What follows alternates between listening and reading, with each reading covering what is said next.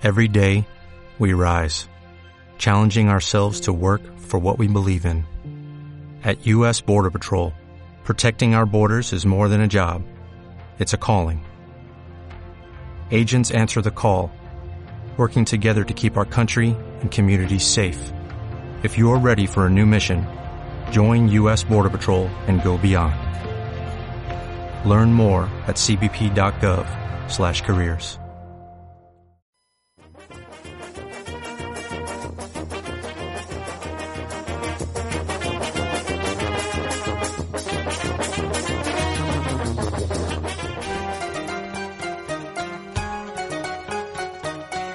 En construcció, des de Ciutat Vella, cada dilluns de 8 i mitja a 9 i mitja de la nit a Ràdio Clara.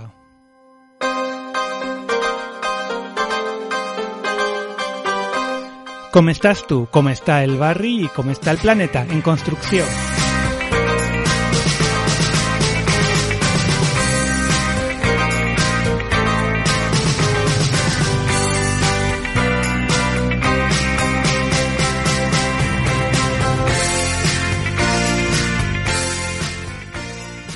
Bona nit, benvingudes un dilluns més a En Construcció, el programa que fem en directe cada dilluns de 8 i mitja a 9 i mitja de la nit des d'ací, des de Ciutat Vella, des del barri de Belluters, a Ràdio Clara. Si ens escoltes en directe, avui dilluns 5 de juliol, i si ens escoltes en redifusió és que estàs al llarg de la setmana, a les nostres ràdios amigues, lliures, Ràdio Malva des del Cabanyal, Radioactiva des de l'Alcoyà i la Vall d'Albaida i Ràdio Mistelera des de Dènia. O també pot ser que estigues escoltant-nos doncs, en el moment que tu vulguis a les pàgines on, pot, on pots escoltar el podcast, com és iVox, la nostra pàgina de Facebook en Construcció Ràdio Clara o en la nostra pàgina web en construcció.com TK. Si vols participar al programa, avui al telèfon 96 391 57 21 o si vols eh, contactar amb nosaltres al llarg de la setmana, correu electrònic en construcció arroba radioclara.org. Doncs avui, 5 de juliol, ens apropem al que serà el final de la nostra temporada. Farem dos programes més, aquest i dos més. Acabarem el, eh, si no m'enganye, de 9 de juliol i eh, ens acomiadarem, l'última setmana de juliol ja no estarem, i ens acomiadarem fins la primera setmana de setembre, 6 de setembre, que tornarem renovades, amb forces i descansades, algunes més que altres, però descansades segur.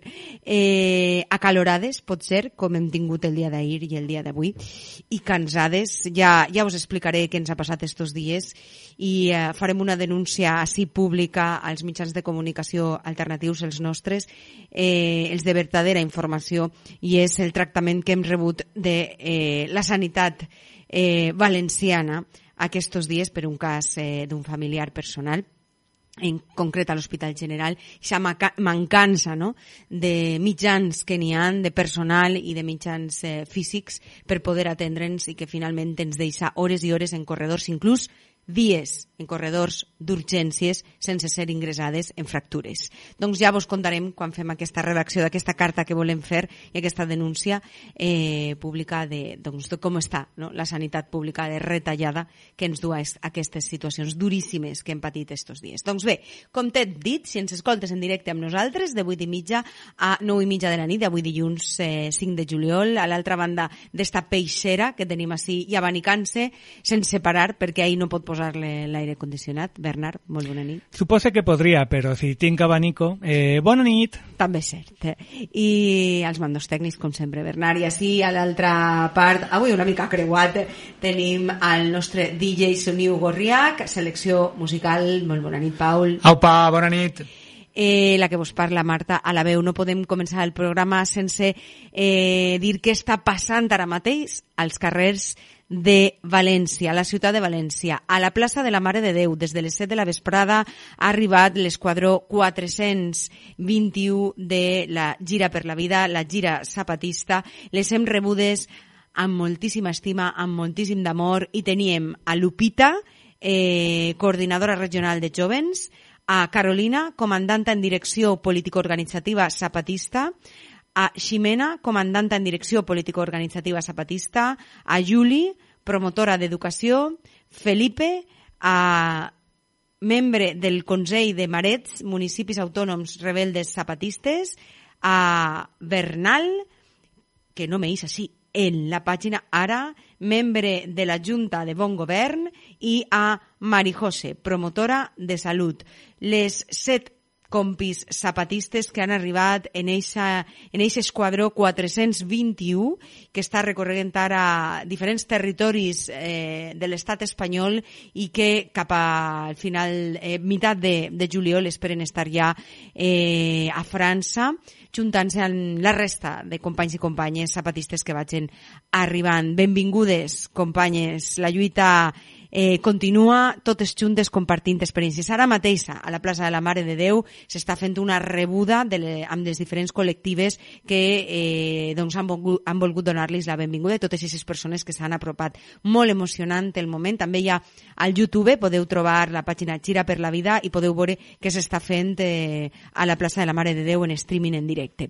I també a les 8 de la vesprada eh, hi ha hagut la concentració per l'assassinat a, eh, a Corunya de eh, el jove Samuel, un xic que ha sigut assassinat, eh, ha sigut apallissat al crit de maricón per un grup de persones al carrer eh, fa ara dos dies. Doncs avui concentracions a molts eh, racons, moltes places eh, no sols dels països catalans, sinó arreu de tot el territori de l'estat espanyol, cridant que totes som Samuel i que prou ja d'agressions LGTBI fòbiques. Eh, una abraçada gegant a les companyes en lluita des del moviment LGTBIQ+, i a la família de Samuel i a Corunya, al poble sencer. I, bueno, al programa d'avui tindrem, eh, com sempre, la secció de la repartidora, molt bona música, i l'entrevista central del programa d'avui a la nostra amiga Laura, que ens ve a parlar de les finances ètiques des de l'associació en clau. I si vos sembla, comencem ja amb l'agenda.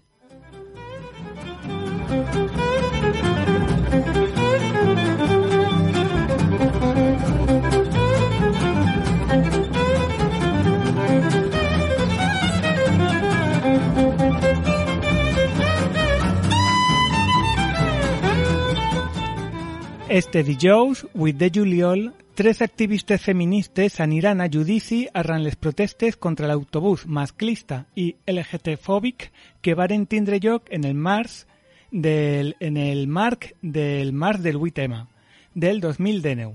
Per denunciar això, des de l'Assemblea Feminista de València convoquen una concentració antirepressiva este dijous 8 de, de juliol a les 10 i mitja del matí a la porta de la ciutat de la justícia i després, per la vesprada, cafeta antirepressiva al CSO a l'Horta de Benimaclet, eh, començant a les 7 amb una xerrada de Lucía Lichtmaer, escriptora. A les 8 i mitja de la nit, sopar vegà. A les 9 i mitja, actuació col·lectiva de rap acústic. A les 10 i quart, performance sorpresa, lliure participació. I a les 10 i mitja, eh, concert mala hierba fins les 11 i que termina. Perquè denunciar el seu odi no és delicte, ens volen aïllades però ens tenim en comú. Organitza Assemblea Feminista de València.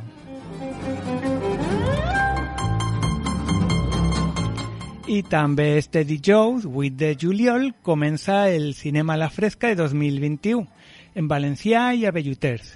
Durant tres dijous, a les 10 de la nit, a la plaça El Pilar. Este 8 de juliol es projectarà La innocència de Lucía Alemany. El següent dijous, Josep Daurel i l'últim, el 22 de juliol, la mort de Guillem de Carlos Marquès Marcet. Organitzen Societat Coral Micalet, Veïnat en perill d'extinció i Assemblea Feminista de València. Col·laboren l'Ajuntament de València, el Servei de Llengües i Política Lingüística de la Universitat de València i Belluters, un barri viu i comentar-vos que la setmana vinent tindrem amb nosaltres l'entrevista eh, telefònica, no pot ser presencial de moment, al nostre amic i veí estimadíssim Andreu, que ens eh, parlarà una mica d'aquesta organització d'aquest any del cinema a la fresca. Després de dos anys, per diferents motius, eh, no hem pogut fer cinema, tornem amb el cinema a la fresca. Andreu, des de Veïnat en perill d'extincions, contarà tot. Felicitats a Doña Bàrbara un any més, a Barbitúric Kills, pel eh, cartell que aquest any ve fresquito, fresquito, el final de Titanic en Conillets.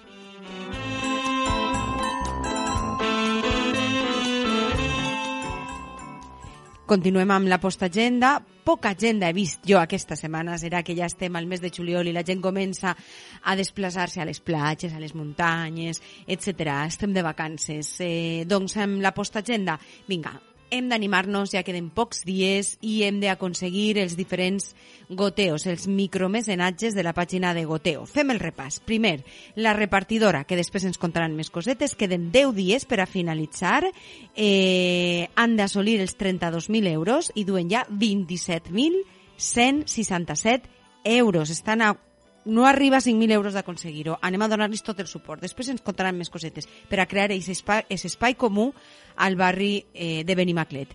També tenim el eh, micromecenatge a goteo.org de Pan i Rosas, que, com sabeu, és una proposta des de VF eh, i Sendra, de Xàtiva, i Mis Comadres de Granada, eh, per fer aquest eh, projecte de roba ètica, sostenible, eh, amb traçabilitat coneguda i en unes condicions de treball justa, eh, justes. Eh, a més a més, si arriben als 20.324 20 euros, que és el, el, el màxim que han d'assolir, podran crear aquest taller també amb persones d'exclusió social, taller de reciclatge de roba, de tèxtil.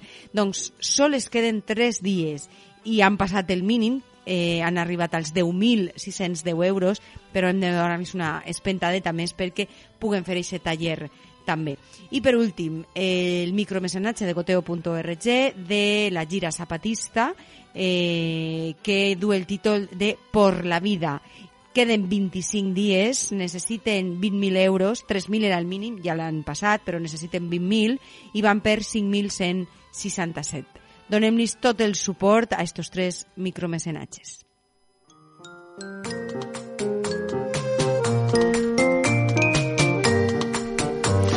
I comencem el nostre viatge musical d'avui, no presentant-vos novetats, sinó amb uns vells coneguts de l'escena musical dels països catalans i diria que d'arreu de l'estat i pot ser de tot arreu. Els Charango, dels quals eh, la gira de comiat potser acaba sent més llarga que la de la gossa sorda, mitjançant pandèmies i, i totes les coses, però que està tot allargant-se molt. Eh, ens regalen aquestes últimes setmanes una revisita a moltes de les seues cançons acompanyats de, de moltíssima gent. Entre d'ells, aquell que avui ens acompanyarà, un veí de la ciutat de València, en Xavi Sarrià. Vos deixem amb els Charanco i Xavi Sarrià i el seu tema Esperança. Assaltarem la ciutat de les tristos Respirarem el fum del poble i l'aire dels senyors. Hem traficat mil somnis i una il·lusió. L'esperança lluny d'aquí, 40 lladres s'han repartit al món. Assaltarem la ciutat de les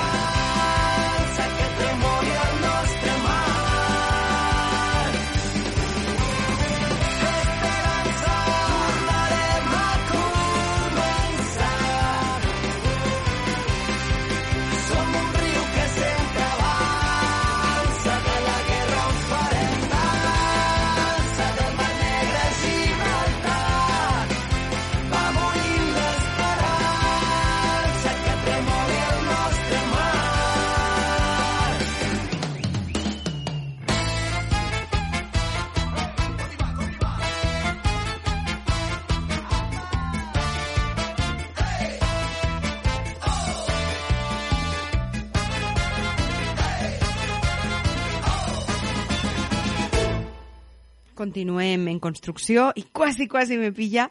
Estàvem llegint, estem, eh, clar, molt atentes a, a tot el que és eh, el funcionariat, no? el tema de la temporalitat, el que està passant amb, amb la llei Z, eh, la lluita amb els sindicats, eh, els grans sindicats, per desgràcia, que tampoc estan... Grocs els, els coms, perdó. Els sindicats grocs. grocs eh, que tampoc estan demanant molt. En la veritat, s'estan eh, conformant con, con molt poquet. Estem en la lluita per a que eh, la temporalitat, les persones que estem en, en temporalitats de llarga durada, com jo que duc 10 anys en una vacant eh, que encara pues, que eixirà oposició, no? soc interina de llarga durada, doncs eh, se'ns fa fixes, han dit que no, estan fent ahir una sèrie de coses i estem llegint-les, en, en, doncs seguint-les des de les dues últimes setmanes perquè la veritat és que la llei Z és complicada, també la revisarem algun dia i ens afecta molt a les persones que estem doncs, en aquesta interinitat, en aquesta situació d'explotació al final, no? sempre en un fil eh, pendents d'un fil. Doncs, si ja en la secció de la repartidora, amb esta musicote que ens ha posat avui Pau de Charango i en Xavi Sarrià, eh, tenim la secció de la repartidora i avui tenim amb nosaltres a Anna. Molt bona nit. Hola, bona nit. Com Anna, t'acabes de menjar tu eh, este, este, esta ràbia que duc a dins avui. No, perquè... estava ben també, però no, no sabia molt bé... Clar, és que del que venen al que serà la llei, no sé. Sí, sí, però això, està la llei, està el que els sindicats eh, minoritaris, però que més lluitadors, com ara Intersindical, la COS, la CGT, estan demanant, i després està l'acord que han arribat, en, han arribat en comissions UGT i CESIF, que por em dona llegir-ho, eh? acaba de dir l'article, por em dona. Però, eh, Anna, parlem de la repartidora. Hem dit ja un poc com va el micromecenatge, eh, heu accelerat una mica l'última setmana, passeu els 27.000 euros, queden 10 dies, però hem d'assolir els 32.000. Clar, això és l'objectiu. Així que, bueno, ara estem intentant també dinamitzar molt el tema de les xarxes socials i hem estat publicant un poc, anem anar publicant esta setmana quines són les presentacions que es fan en el nou espai, amb vídeos de les persones autores eh, explicant no, que van a presentar el seu llibre i anem anar traient ja la programació com en antelació perquè així també jo pensem que animarà les persones a, per això, a, a donar suport al projecte. Uh -huh. I res, bueno, estem molt contentes, evidentment, hem aconseguit eh, pues, un, un nombre de, de persones que han participat, ja és molt, molta gent, més de 400, uh -huh. i molts diners, però evidentment tenim que seguir aquí estos 10 últims dies, que ja no queda res, fent força per poder arribar al òptim. Uh -huh. Doncs eh, setmana que ve donarem més força perquè queden aquests 10 dies ahir la recta final i a veure si ens duem una bona sorpresa el dilluns de la setmana que ve que esteu ahir, ahir a, a, a, a punt d'arribar no? als 32.000 euros. Animar a la gent, donarem també molta difusió des d'ací, des d'en construcció, des de Ràdio Clara i doncs parles d'activitats que esteu programant, eh, programant i que esteu començant a donar-li eh, ja visibilitat a les xarxes. Conta'ns una Clar. mica. Sí, bueno, hem, hem publicat dos vídeos, uno de Lía Estaño, que explica que uh -huh. presentarà el seu fanzine Déu, Pàtria, Furs i Alsasu al setembre, uh -huh. i l'altre d'Anna Penyas, que també presentarà el Todo bajo el sol, la última novel·la gràfica, que és una passada, que ha publicat. Aleshores, ara, durant aquesta setmana hi ha més sorpreses de persones que ja tenim en el nostre calendari que estan desitjant eh, presentar els, els seus llibres a la repartidora i nosaltres que es presentem. Que ja serà al nou espai. Clar, el nou espai ja, perquè ja queda molt poquet d'aquest espai. Uh -huh. Això és una altra cosa, totes les persones que vulguin acomiadar-se de l'espai actual, que vagin durant queden dues setmanetes, en aquestes dues últimes setmanes, perquè tancarem eh, l'última setmana de juliol i a banda ara els dissabtes també estem tancant, uh -huh. per gaudir un poquet més de l'estiu. I, i bé, que ja no queda res en aquest espai, que ja la nova repartidora serà en el nou espai, així uh -huh. que podeu passar a acomiadar-vos. Perquè la repartidora comença les vacances l'última setmana d'este mes i ja torna a setembre amb força i nou Clar. espai, i això és important. Eh, doncs la gent que vulgui agafar-se llibres per a, per a llegir estos dies de, de vacances, este agost calorós que se'ns ve damunt, doncs aprofiteu ara. Clar. Abans de tancar, òbviament. I també estic pensant que poques vacances tindreu vosaltres este any. Clar, a veure, poquetes, sí. Anem a estar, on anem a eixir en principi una setmaneta, deu dies, uh -huh. i la resta estarem per així perquè, clar, hem d'anar veient pues, el transcurs de l'obra, tot el que fa falta, uh -huh. i bueno, pues sí, fent feina i estar sobretot atentes i ajudar també en el que puguem en l'obra. no estareu soles a la ciutat de València. Jo em quedo així Ja. non-stop. este any toca. Doncs anem amb recomanació de llibre. Doncs el llibre que he escollit justament eh, està relacionat amb algunes de les coses que m'està parlant tu i últimament mm -hmm. relació a un projecte del meu treball. És Mujeres invisibles para la medicina, Mm -hmm. de Carme Valls Llobet, que és un llibre que jo en un primer moment l'havia vist i m'havia semblat una cridaner, però no, pensava que parlava com de dones referents, no? Mhm. I no, realment fa un enfocament superinteressant, que segur que tu coneixes molt bé, Mhm. Marta, de com la ciència mèdica no, està estructurada des d'una perspectiva totalment patriarcal i, i un anàlisi de gènere no, de totes les patologies que patim les dones i que no són, són identificades i que deriven en altres malalties i és super interessant, jo crec, o sigui, banda està escrit eh, d'una forma molt accessible, Mhm. que és una de les coses també difícils per a un llibre en aquestes característiques, no?, que parla sobre medicina.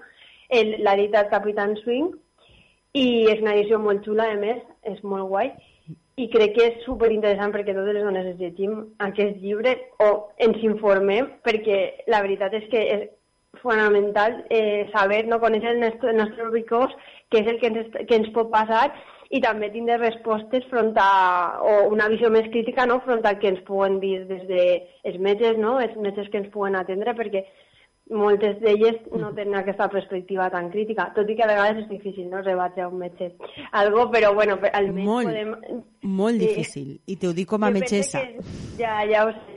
Per això, però pensa que sí que ens pot donar ferramentes per aprendre un poc a identificar certes coses que es poden passar i, i almenys tenir una visió crítica, no?, d'allò que ens diuen. No dir, bueno, si has dit, pues, m'ha dit això el metge, pues dic que sí i ell és el que sap. Bueno, jo penso que també és molt important conèixer el nostre propi cos i, i sobretot conèixer no, que realment moltes vegades els diagnòstics que se'ns fan pues, eh, no estan eh, molt tractats des d'una perspectiva feminista ni molt menys ni de gènere. Aleshores, crec que és un llibre molt interessant, no me l'he llegit del tot, l'he començat ara, però m'està semblant que és superinteressant. Eh, I, i Carmen. Valls és una dona a la que jo admire moltíssim, a la que seguís moltíssim, és, ella és endocrina eh, i és una, és una bèstia. Jo he llegit articles d'ella sobre la fibro- fibromiàlgia, que és una patologia que, bon, doncs que jo estic seguint molt perquè tinc moltes pacients amb, amb fibromiàlgia molt mal diagnosticades i sobretot Sí. molt maltractades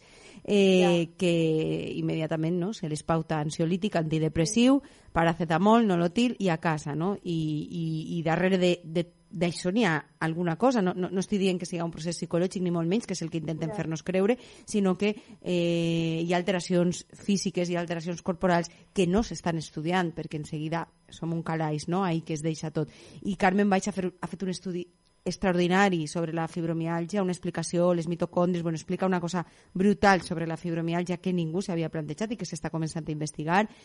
A més a més, està estudiant la menstruació, ha fet, ha fet una enquesta que ha passat per les xarxes eh, que jo vaig respondre fa unes setmanes, mm, llarga però molt xula, de com ens tracten no? a, a, les, a les persones menstruants, eh, a les dones, per tindre la menstruació, no? I fa unes preguntes super interessants que et fa reflexionar molt eh, de, de, no? de quan costa un producte per a la menstruació, com, po- pots dir que estàs en la menstruació, quan estàs en el treball has d'anar a canviar-te perquè estàs sangrant, què passa, eh, què, com te mediquen, eh, coneixes el teu cos, Buah, això és brutal. O sea, i, I moltes més coses que parlaria de Carme Baix i sobretot del tema que has dit, no? de com estem invisibilitzades les dones a la medicina. mm. És, és, Sí, sí, espectacular. La veritat és que a mi, per a mi, he descobert un món ara. En... Perquè, a veure, evidentment, si tens una idea és una genèrica, però quan comences a posar-li conceptes i paraules, no?, que ja ha conceptualitzat mogolló de, de pues, processos o coses que passen i no hi sabem posar nom, i és tan important a vegades posar-li nom a les coses, Mm. i m'ha paregut molt, molt interessant, la veritat. Mm. De fet, ella posa, el, crec que en el llibre I se posa l'exemple de eh, co- com es manifesta una patologia cardíaca, un infarto, Sí. eh, en homes i en, i en dones. No? Eh, eh, Sí. tenim, eh, S'estudia sempre en Sí. homes blancs eh, aproximadament d'una edat mitjana, no? entre 40 i 50 anys.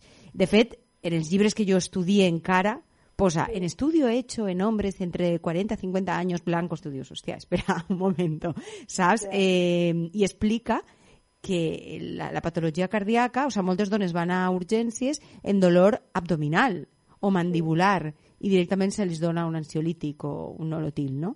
I algunes d'aquestes dones han mort a casa perquè no han sigut ben diagnosticades, perquè les dones tenim símptomes... Eh, per, vull dir, la, el nostre cos fa que tinguem eh, símptomes diferents. Clar. Saps? I... Sí, sí.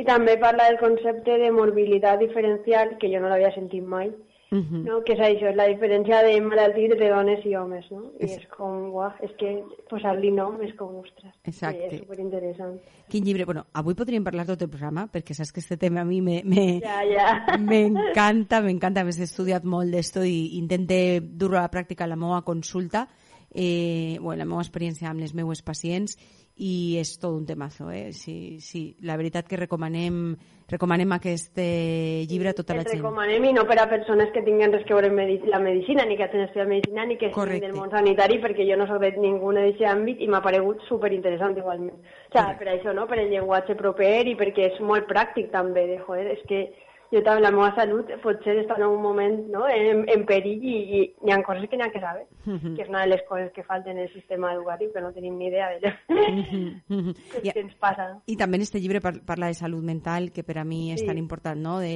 de, de, de com eh, són molt més diagnosticades les, les dones eh, i en seguida histèriques, eh, sense Sí. etiqueta, sense estigmatitzar i sense medica, polimedica, no? I, i és una barbaritat. Doncs Mujeres Invisibles para la Medicina, que contenta estic de que recomanes este llibre. Anna, de veres, doncs mm, ens escoltem dilluns que ve? Eh, doncs sí, ens veiem. donem una espentada forta al micromecenatge, queden 10 dies, 32.000 euros, dueu 27.167, a d'on va donar-li espentadeta. Falta un poquet, així que ara en el recte final, totes aquelles que no, encara no, que no se'n record, no se tenen recordat fins el moment o que siga, que, vale, que aporten i, aconseguirem fer l'espai possible. I Ja que poden fer-se sòcies, que és la Clar. part més important, perquè després és un manteniment, no? Clar, això és la base de tot. I, i de fet estem molt contentes perquè moltíssimes persones han fet soci en este procés i això ens dona molta més tranquil·litat i empenta també de pensar que tenim a totes aquestes persones que realment aposten per el projecte a llarg termini i el fan possible, com ja sabeu, que sempre ho diem. Doncs, Anna, moltíssimes gràcies. Eh, les vacances estan ahí al costat, ens escoltem dilluns que ve. Molt bé. Una abraçadeta. Adéu, una Bona abraçada. nit. Bona nit. Bona nit. I continuem viatjant cap a Euskal Herria. Avui tornem a, als nostres viatges musicals que últimament s'estaven quedant així a casa. Eh, des de Bilbo, una banda joveneta, joveneta perquè fa 3 anys que es crea i perquè totes les seues integrants són prou jovenetes, que he vist avui un vídeo d'aquesta gent i són gent jove i gent implicada. Una banda que es diu Amuma, que continuant amb la tradició basca de, de la música, l'anomenada música negra, doncs barreja rap, soul, funky, jazz, reggae, ska, etc. Una cançó de suport al moviment popular i sobretot al moviment juvenil, eh, en concret de, de Bilbo, de la capital de Vizcaya, ritmes caribenys, ritmes ballables, i Euskal Herria tropical de repente, com deien les companyes de Tremenda Jauria, i lletres combatives. Amoma, welcome to Bilbo.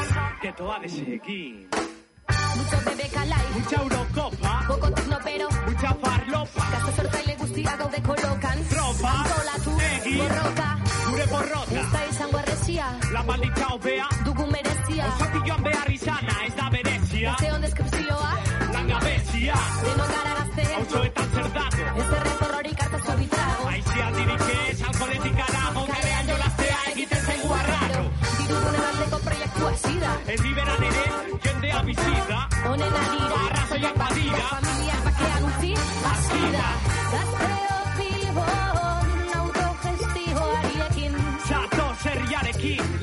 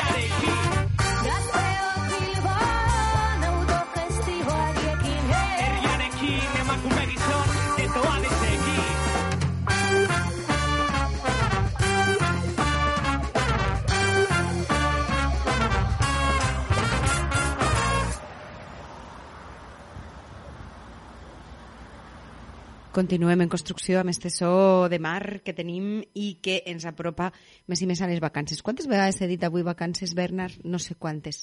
I això que... Només dos o tres, ja veuràs la setmana que ve. Ja veuràs. I la següent, perquè, i això que jo, finalment, vacances tinc poques, però eh, com la repartidora, sí tenim, però ens quedem. Eh, bueno, com vos hem dit al eh, inici del programa, avui l'entrevista central eh, parlarem de finances ètiques. Jo tinc molts dubtes perquè partim de que no tinc ni idea i això doncs queda millor, no? Perquè puc fer-me un lío i així tenim a Laura, eh, la nostra amiga Laura Cremades, eh, i he de dir, a més, molt, molt amiga. Jo és que moltes vegades m'agrada dur al programa a les persones que m'estime molt. Laura, molt bona nit. Bona nit. Per fi, al programa. Ho has passat per els nostres grups privats, per a que ens escolten. bueno, Laura, a banda d'amiga i companya de moltes aventures, eh, sobretot a l'Etiòpia, aquests dies que passarem allí juntes, ella és una crack de la cooperació i també d'assumptes econòmics, ara, ara ens contarà. Ha treballat 15 anys com a responsable financera en organitzacions de cooperació i acció social de València i ara és tècnica de gestió i projectes en l'associació Enclau, que és una associació per a la promoció de les finances ètiques, alternatives i solidàries. Laura, conta'ns què és Enclau primer de tot. Anem a centrar-nos. Val. Pues, bueno, primer volia donar-vos les gràcies per l'oportunitat de presentar en clau i parlar de les finances ètiques.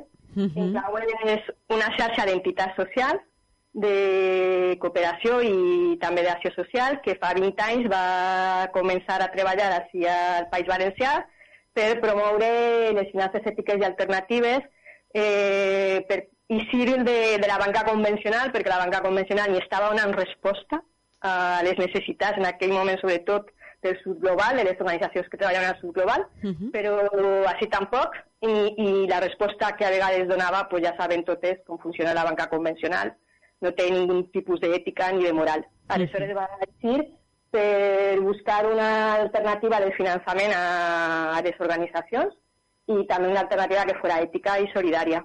Uh -huh. eh, doncs, quan jo escolte finances ètiques, a mi me ve al cap eh, persones amb, amb tratge i, i coses així com molt de, de, de, de maletins, no? O sigui, finances, i ens quedem... Eh, com que no van juntes aquestes dues paraules, finances i ètiques. Costa, eh?, d'anar- de posar-les juntes.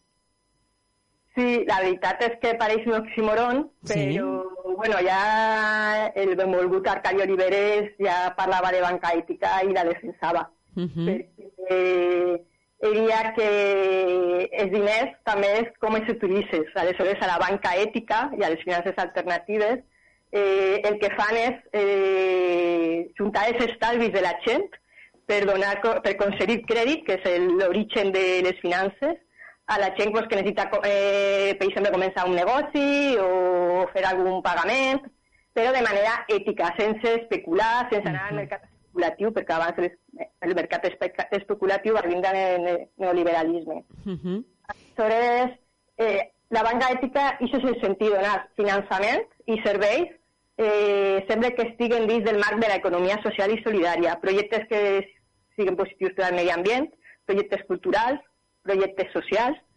Eh, ha de tenir sempre una mirada de triple impacte, és a dir, no basta con que siga un projecte viable econòmicament, té que ser un viable que no, un projecte que no, siga, no tingui un impacte negatiu en el territori, que no tingui un impacte negatiu socialment. Uh -huh. Aleshores, sempre se fa aquesta triple mirada. Eh, a més, hi ha experiències també que estan molt descentralitzades, és a dir, és el propi territori, gent, de més, a més voluntària, la que fa aquesta mirada per conèixer millor eh, els projectes que se van a financiar. Val. Doncs, Laura, jo esto és compartint de zero. Tu me coneixes i saps que jo de números no entenc res. Sempre que ve la declaració d'Hisenda, moltes vegades te toque per telèfon perquè me faig un lío. I llavors, mm, en clau, o sigui, perquè entenem la banca ètica, tenim alguns exemples que ens podries donar ara, coneguem alguns exemples, però eh, en clau no és un banc, llavors, no és una, un, lloc, una banca ètica, sinó és una associació i que podem, quan nosaltres ens apropem a en clau, què podem buscar o trobar?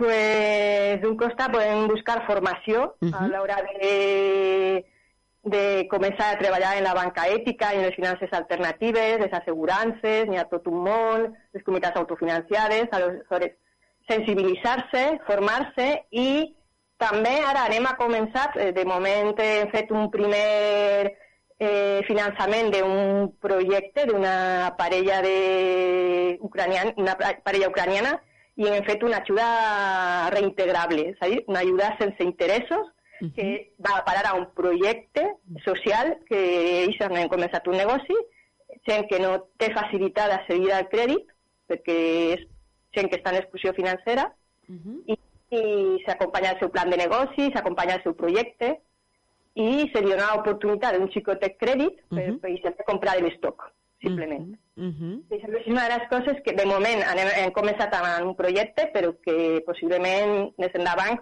pues, treballarem més.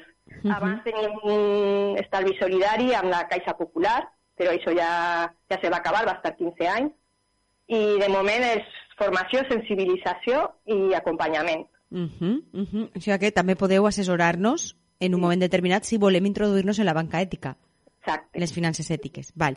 Alternatives al País Valencià, quines en tenim?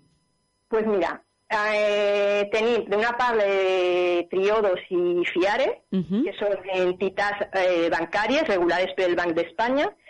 Triodos eh, és un, un banc que va néixer a Holanda i que està per tota Europa. Bueno, i fa negocis per tot el món, però diguem que les oficines i tot això, sobretot a Europa. I després FIARE és una iniciativa que va néixer a Itàlia, és una cooperativa de crèdit, i que així a Espanya, precisament l'Enclau, va ser una de les associacions que així al País Valencià va formar una xarxa també d'organitzacions per ficar en marxa aquesta cooperativa. I en, Enclau és ara sòcia d'esta cooperativa que fa 10 anys va començar el seu camí fins a instal·lar-se com a cooperativa regulada pel Banc d'Espanya. Uh -huh. eh, així no tenim oficina directa, però sí que hi ha una, una associació que és ACOE, que, te pot, que està en, en, la oficina, en les oficines d'ACOE, que te pot atendre, uh -huh. i, i bueno, funciona com una... Vull dir, com a, operativament té la major part dels productes i serveis que té qualsevol banc. Uh -huh. Això sí, sempre que tu tingues clar que és una cooperativa, que pot ser sòcia o no, però que és un, estàs ahí per participar també, per exemplar, eh, exemplar uh -huh. la base social. Uh -huh. I per exemplar també les, les finances ètiques, quan més gent eh, comencem a, a, a treballar en aquest model, pues més fàcil, no anem a substituir la banca convencional perquè és tot un món, però sí podem donar moltes alternatives a, a projectes i a persones que volen treballar en la banca ètica. Mm -hmm. Laura, quan, doncs, jo tinc el compte en Triodos, no? ja fa molts anys el coneguerem i, i, i ens llançarem a Triodos i contentes, eh, però Fiare sempre he tingut molts dubtes, perquè per a mi és, és, és com una cosa etèrea, o sea, al final, clar, ens costa molt no veure, com tu has dit, no? una oficina eh, d'un banc un, on pot traure diners, eh, un, com, com que no sé si ho has explicat ben bé, però a mi em costa molt eh, veure com puc jo funcionar. Si jo volguera canviar a Fiare, com funciona? Pues Fiare funciona tot per, per online, no hi ha una oficina. Uh -huh. hi, ha, hi, ha, hi ha una oficina d'informació per a que la gent pugui apostar papers, per a que se pugui tramitar, però l'oficina central està a Barcelona. Uh -huh. Eh, funciona tot online, eh, les respostes són, tu pots treballar per correu, per telèfon, les respostes són directes, és fàcil, és àgil, el que passa és que no és el que estem habituats. Clar. a tenir una oficina al costat al barri, eh, però bueno, en aquest sentit, nosaltres des d'Enclau també parlem de la banca en valors, uh -huh. sempre Caixa Popular, Caixa Ontenient, o si estàs a un poble, moltíssimes cooperatives de crèdit dels pobles eh, no, no funcionen en el segueix de banca ètica, uh -huh sí és, són banca en valors perquè no fan especulació, treballen molt al territori, financen molt l'economia real de, de, del seu, de la seva comarca, i, se, i això és la més que defensem nosaltres. Uh -huh. Una economia al servei de les persones i del territori. Uh -huh, uh -huh. Eh, en este sentit, ho has deixat caure a l'inici, però eh, poc, no?, la diferència entre finances ètiques, banca ètica i banca convencional, no? I has parlat com de, de, tres, de tres branques, no? Eh, un poc, si pots eh, repassar esto una altra vegada, este, este finançament, no?, que has parlat de tres branques, de, de tres impactes. Pues, eh, a l'hora de, per exemple, de donar una financiació, eh, el banc ètic o la cooperativa de serveis financers també, uh -huh. que va, a la que tu demanes un finançament, eh, te, que té que medir no és sols que el teu projecte siga rentable econòmicament i que el pugues pagar, sinó uh -huh. que, a més, eh, tinga un impacte positiu al territori i al medi ambient. Uh -huh. Per exemple, l'ajuda alternativa que nosaltres hem donat, que no passa per la banca, sinó que és replegar estalvis de gent, que fica ahí els seus diners simplement, això també és solidari, per a poder prestar a altres, uh -huh. i, i això el que hi ha és un aval social. Hi ha una associació que està al costat d'aquestes persones i que d'alguna manera va acompanyar-les per a que siga possible la seva que puguen retornar aquests diners i que siga, siga un projecte conjunt, no a soles d'aquestes persones que comencen i ja veure com li va i si li va mal, pues que torni el diner i au. Uh -huh. No, no és este cas. Laura, perquè quan, quan la gent que no coneguem el, este món, quan pensem en un banc, eh, nosaltres pensem que tenim ahí els nostres estalvis, eh, la nostra nòmina, els nostres diners, el que siga, i, però aquests diners, no, el que acabes de dir, eh, un poc, jo, jo això ja t'he dit que ho vaig conèixer quan vaig començar aquesta militància més social i política, no? No sabia que els meus diners s'utilitzaven, tu fixa't quina innocència tenia jo fa molts anys, s'utilitzaven per a, per a projectes que la banca, doncs, per exemple, mm, armament. Sí. I, I jo deia, però si els meus diners estan ahí, no els poden tocar, no? És el que acabes de dir tu, estan ahí, però tu deixes que els utilitzen per a doncs, finançar determinades coses. Clar, és que això, això no funciona. Hi ha, un, hi ha un grup de gent que junta els seus estalvis en entitat bancària. L'entitat bancària agarra aquests diners i fa préstecs a altres persones. Uh -huh. Que ha fet la banca convencional, que a més de fer préstecs, eh, tot el que hem conegut en la crisi que va haver així a Espanya, a i tot, a més està especulant. I aleshores, eh, no està gastant els teus estalvis per al que toca realment. Uh -huh. I a més, hi ha una aplicació molt bona que és de l'organització CETEM, uh -huh. si la coneixeràs, sí. 1900, que és de, de Betxí, no m'equivoco, uh -huh. i és petjada en armes.org, uh -huh. i tu entres i dius, jo treballo en Triodos, i busques i t'hi diu, pues, Triodos no finança armament, però tu dius, jo treballo en Banc Santander.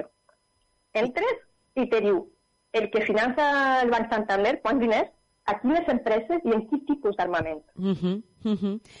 Esto, esto és important, jo crec que aquesta és la clau, no? Eh, el cooperativisme per a nosaltres, que vivim, doncs, que, que creiem no? en este món, òbviament, és eh, la forma en la que vivim en tots els sentits, eh, cooperativisme en tots els sentits, d'habitatge, de, de banca, etc. Però esto que acabes de dir crec que és el que pot ser més marca a la gent que no coneix, no? que què estan fent amb els meus diners que jo tinc en el banc?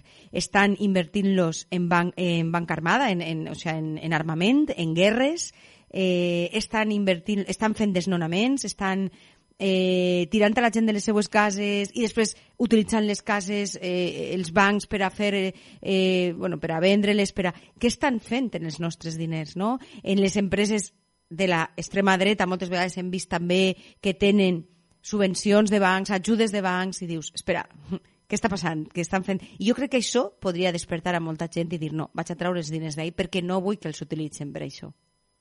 Exacte, el primer és poder informar-se perquè és de veres que moltíssima gent no s'imagina que això s'està fent en els seus diners. Mm. És que no, tu no penses que... Però parlem de banca armada, però també parlem d'impacte mediambiental. Mm -hmm. eh, Carro de Combate, que no sé si desconeixes, mm -hmm. eh, són unes investigadores que han tret a la llum que el Banco Santander està financiant empreses a l'Amazonia que estan expulsant eh, població local i que estan eh, deforestant directament per implementar projectes de, de prestació de recursos, projectes de ganaderia, de soja...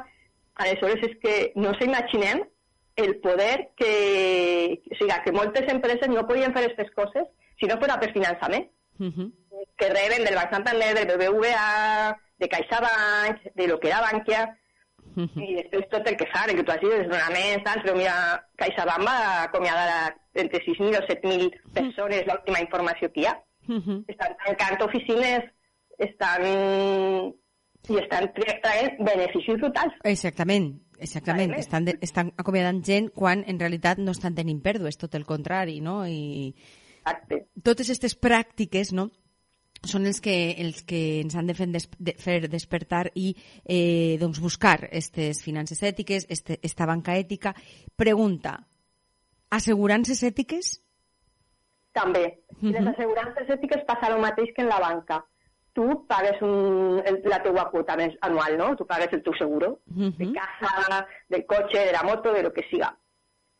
I que fa l'asseguradora? S'ajunta en milions de persones que, que fa, paguen la seva quota. Uh -huh y mientras no tienen que hacer pagos de pues que a tu se te trenca qualsevol cosa a casa o que te tenga el cotxe, mentre no tienen que fer pagos a ningú, i sempre fan més, menys pagos de tot el diner que tenen allà replegat, Clar. pues si diners es agarren i què fan? Pues es invertixen per a guanyar més diners ells.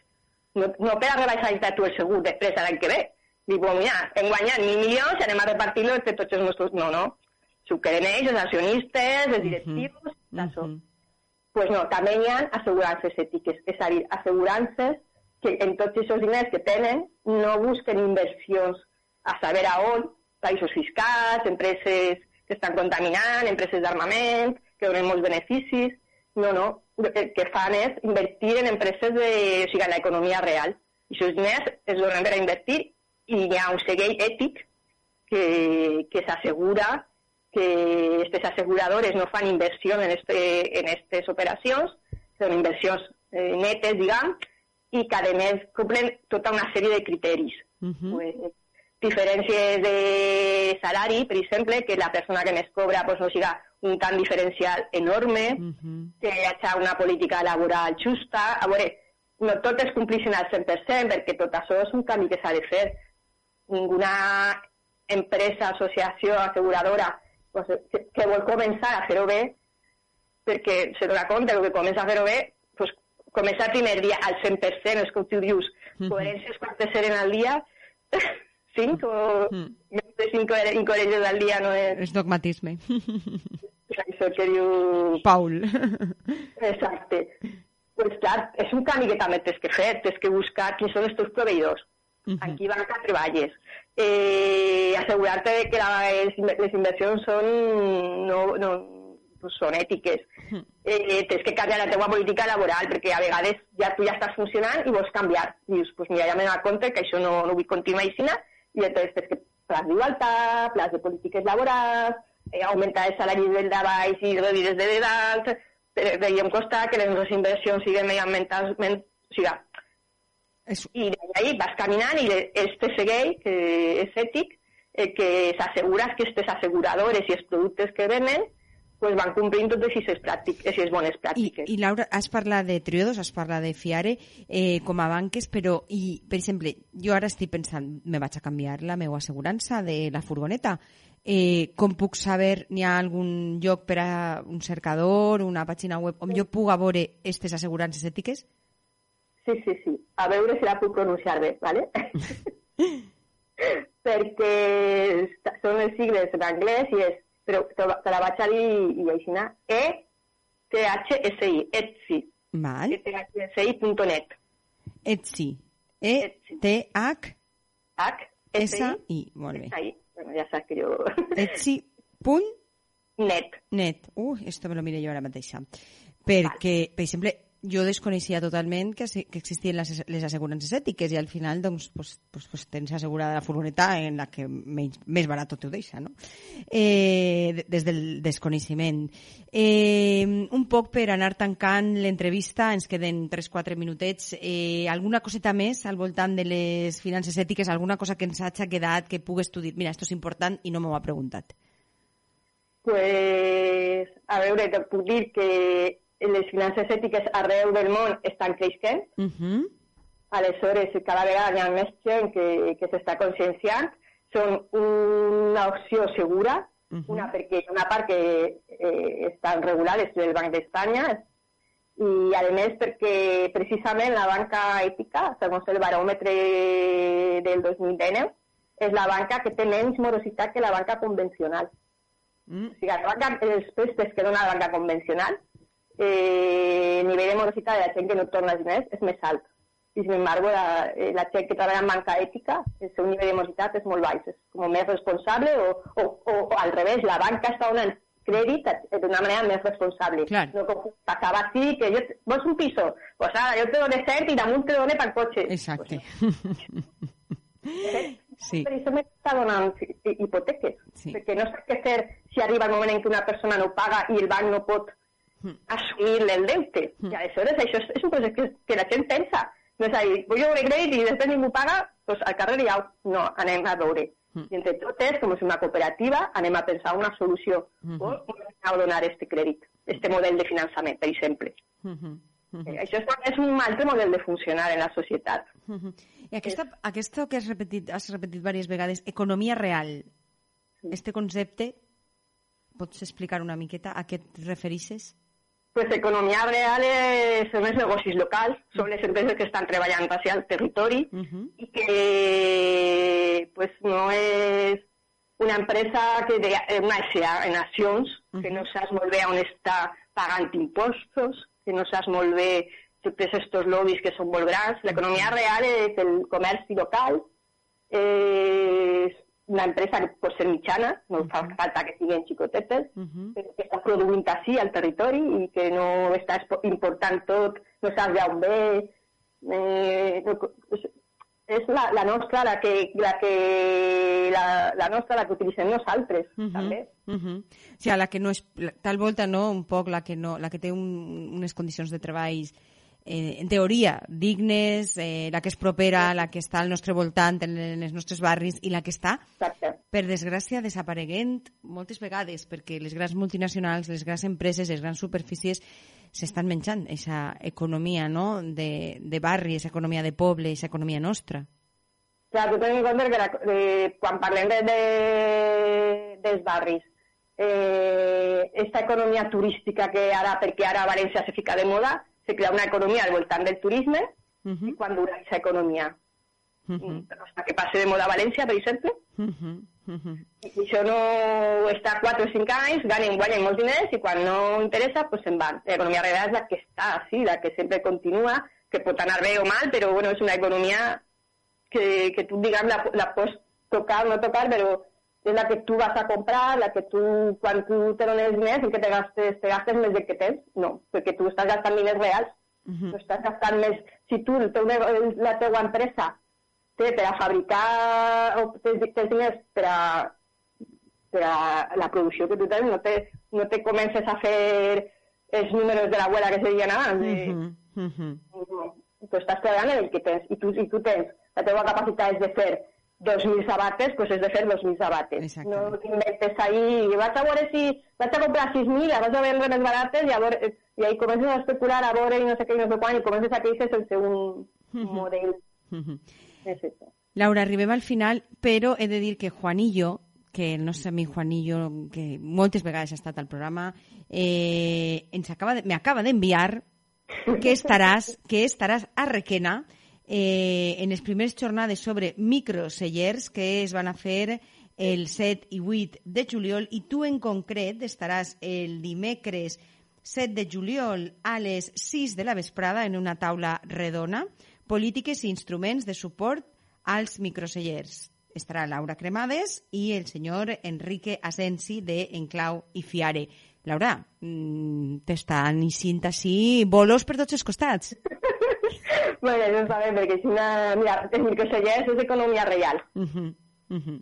És estar en un territori, en este cas en Utiel Requena, i ficar en marxa un negoci local. Uh -huh. Uh A -huh. més, és micro i que és familiar segurament, ahí és l'economia real que parlem. per ser un cartell preciós, uns colors i un dibuix eh, molt, molt bonic. Doncs, Laura, si voleu saber més, eh, Associació Enclau i Fiare, eh, Trio 2 també ens ha comentat, i aquesta pàgina Etsy amb th.net per a les assegurances ètiques. I en les primeres jornades sobre micros, microcellers eh, que celebren a Requena el 7 i el 8 de juliol, és a dir, aquesta setmana ja, este dimecres i este dijous, la tindreu també a Laura. Laura, moltíssimes gràcies, un plaer. Gràcies a tu. Gràcies. Sempre, plaer d'estar en tu. Gràcies a tu, ganes de veure'ns en aquestes concentracions i a, a xutxar-nos amb la mascareta posada. Laura, que vagi molt bé. Igualment, una abraçada molt forta i una altra al Pau. Una abraçada, molt bona nit.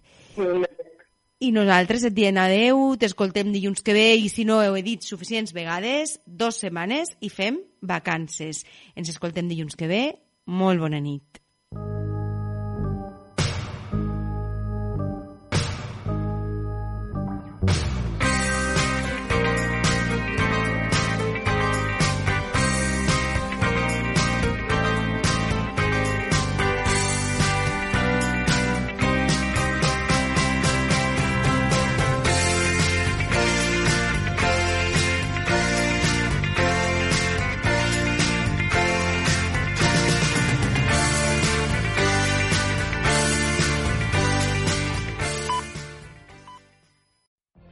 What if you could have a career where the opportunities are as vast as our nation, where it's not about mission statements, but a shared mission? At U.S. Customs and Border Protection, we go beyond to protect more than borders, from ship to shore, air to ground, cities to local communities. CBP agents and officers are keeping people safe. Join U.S. Customs and Border Protection and go beyond for something far greater than yourself. Learn more at cbp.gov/careers.